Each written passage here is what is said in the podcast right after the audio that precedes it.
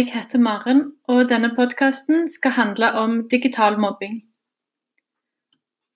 Før vi begynner å snakke om digital mobbing, eh, så er det viktig å ha en definisjon av hva, eh, av hva mobbing er i det hele tatt. Mobbing er en handling som skjer gjentatte ganger over tid.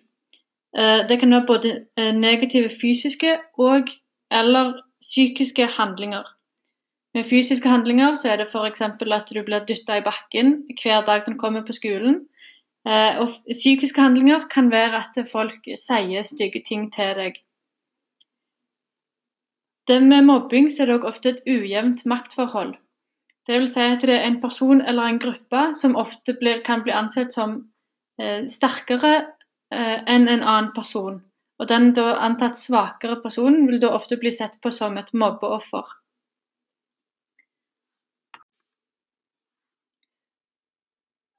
Med mobbing er det òg viktig å se på ulike årsaker. Eh, de ulike årsakene kan være eh, hos den som mobber, så kan det være både indre og ytre påvirkning som gjør at personen mobber. Eh, de indre påvirkningene kan være at en person har forskjellige diagnoser som gjør at eleven utagerer. Dette kan være bl.a. ADHD, som et eksempel. Eh, en annen årsak til at en elev mobber, kan være en såkalt ytre påvirkning. Den ytre påvirkningen eh, kan f.eks. For være forhold i hjemmet. Eh, da et F.eks. om det er noe, et økonomisk forhold som gjør at eleven utagerer, eller ofte, ofte så er det også blitt forska på at lavere utdanning hos foreldrene gjør at elever utagerer en annen ytre påvirkning kan være at eh, for eleven som mobber, er at, pers at personer tenker at personen mobber, og da begynner personen å mobbe. Som nevnt så har vi forskjellige typer mobbing. Eh, direkte mobbing går på det verbale og det fysiske. Indirekte mobbing er f.eks. sosial isolering, at en person ikke får lov å være med de andre elevene, f.eks. Eh, men òg kroppsspråk, sånn som himling med øynene og sukking hvis eleven f.eks. svarer i klasserommet eller bare sier noe. Eh, når vi skal ta definisjonen på digital mobbing, eh, så blir det veldig vide rammer. Og Det er derfor omdiskutert om eh, digital mobbing kan følge de samme rammene som, eh, som direkte og indirekte mobbing.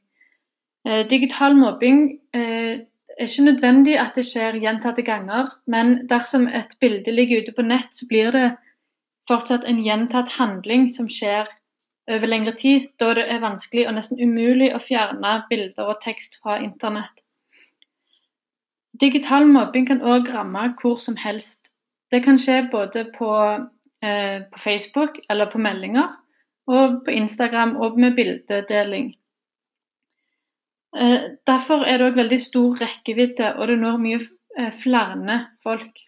Så det er ikke bare den eleven som blir mobba som nødvendigvis eh, merker det, men òg mange andre kan da indirekte bli med på denne mobbinga med å dele videre et bilde f.eks. som har blitt tatt i en uønska situasjon.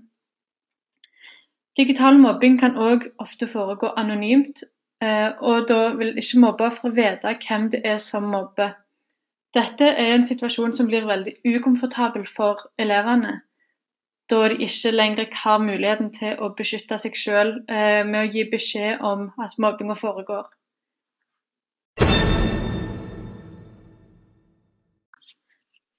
Vi skal nå høre fra eh, lærerstudent Endre om, eh, eh om hans synspunkt angående mobbing. Hva menes med digital mobbing? Digital mobbing er mobbing som skjer over nett eller andre digitale arenaer.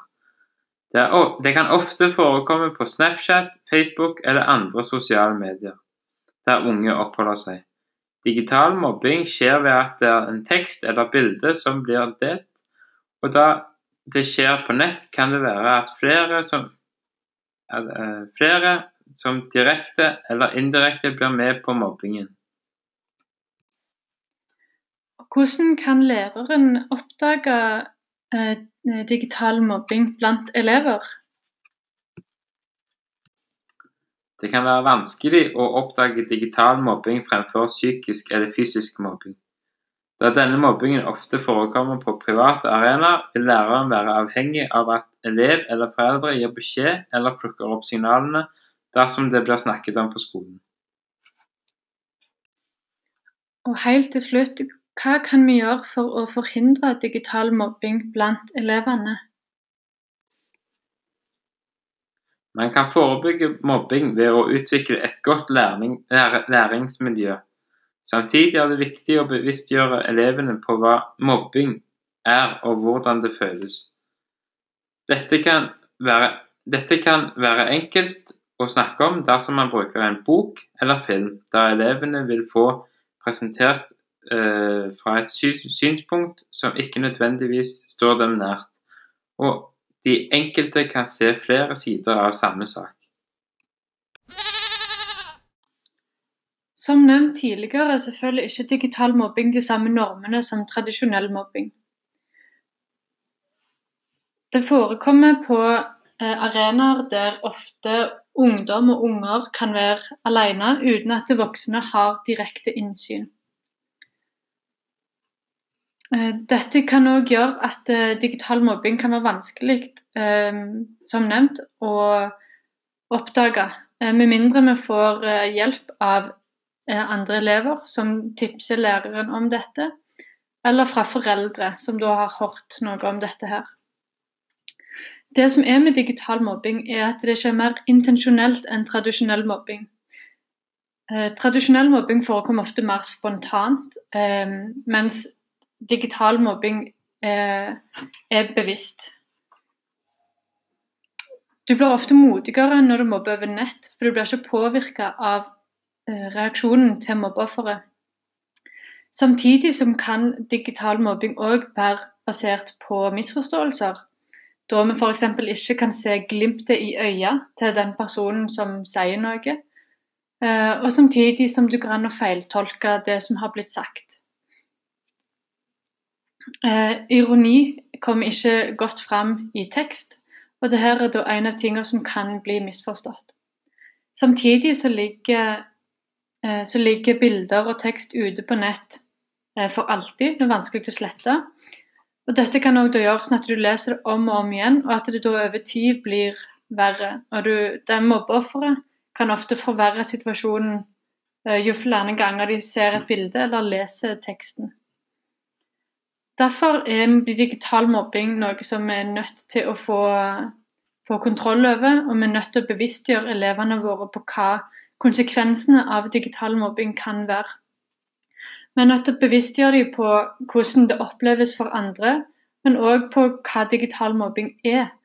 Sånn at de ikke får eh, At det ikke blir at noen har eh, blitt mobba digitalt med et uhell. Eh, sånn at det er den som da blir mobba, eh, våger å si ifra om at noe som ikke er helt greit, har skjedd.